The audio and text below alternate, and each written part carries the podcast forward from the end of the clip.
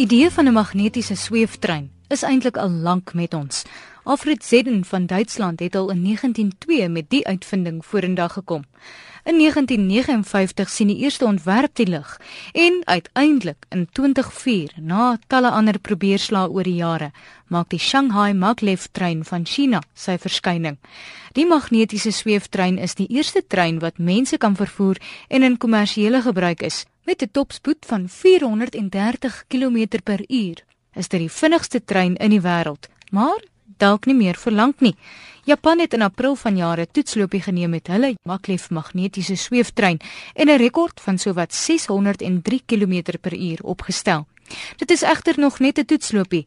Met magnetiese sweeftegnologie wat al hoe meer moontlikhede inhou, praat ek met professor George van Skoor van die fakulteit ingenieurswese van die Noordwes Universiteit om uit te vind hoe presies magnetiese sweeftreine werk en wat die toekoms inhou.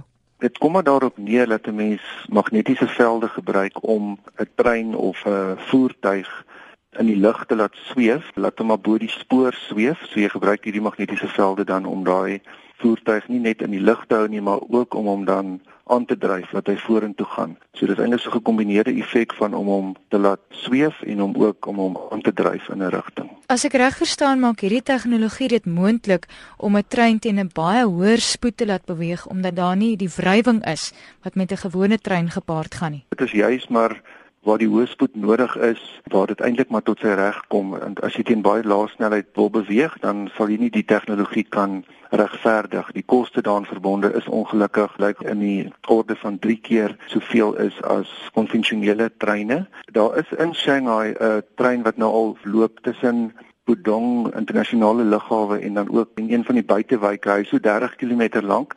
Sy topspoed is egter 430 km/h en dit was definitief die eerste kommersiële magneties geleverde trein in die wêreld. Hy loop nou nog, maar die een van 603 is 'n toetsbaan wat hulle dan nou nog besig is om te ontwikkel. Sover ek verstaan is daar eintlik maar net twee wat kommersieel al loop, een dan in China en die ander ene in Japan. En dan is daar 'n hele klompie wat nou onder ontwikkeling is, want baie mense sien dit as 'n geleentheid vir vir hoë spoed vervoer van mense tussen hoofsaaklik lyk my besige sentra soos lughawens en die naasliggende stede.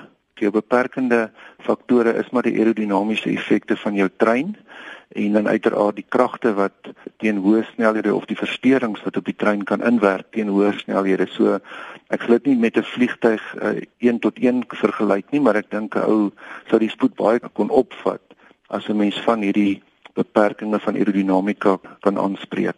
Wat is die toekoms? Soos wat die tegnologie goedkoper word en ook meer betroubaar word, sal die gebruik van dit toeneem. As ons kyk na die ontwikkelings wat wêreldwyd gebeur, dan is daar ongelooflik baie projekte waar in veral die hoëspoed magneties geleverde treine wêreldwyd lande besig is om hulle eie stelsels te ontwikkel.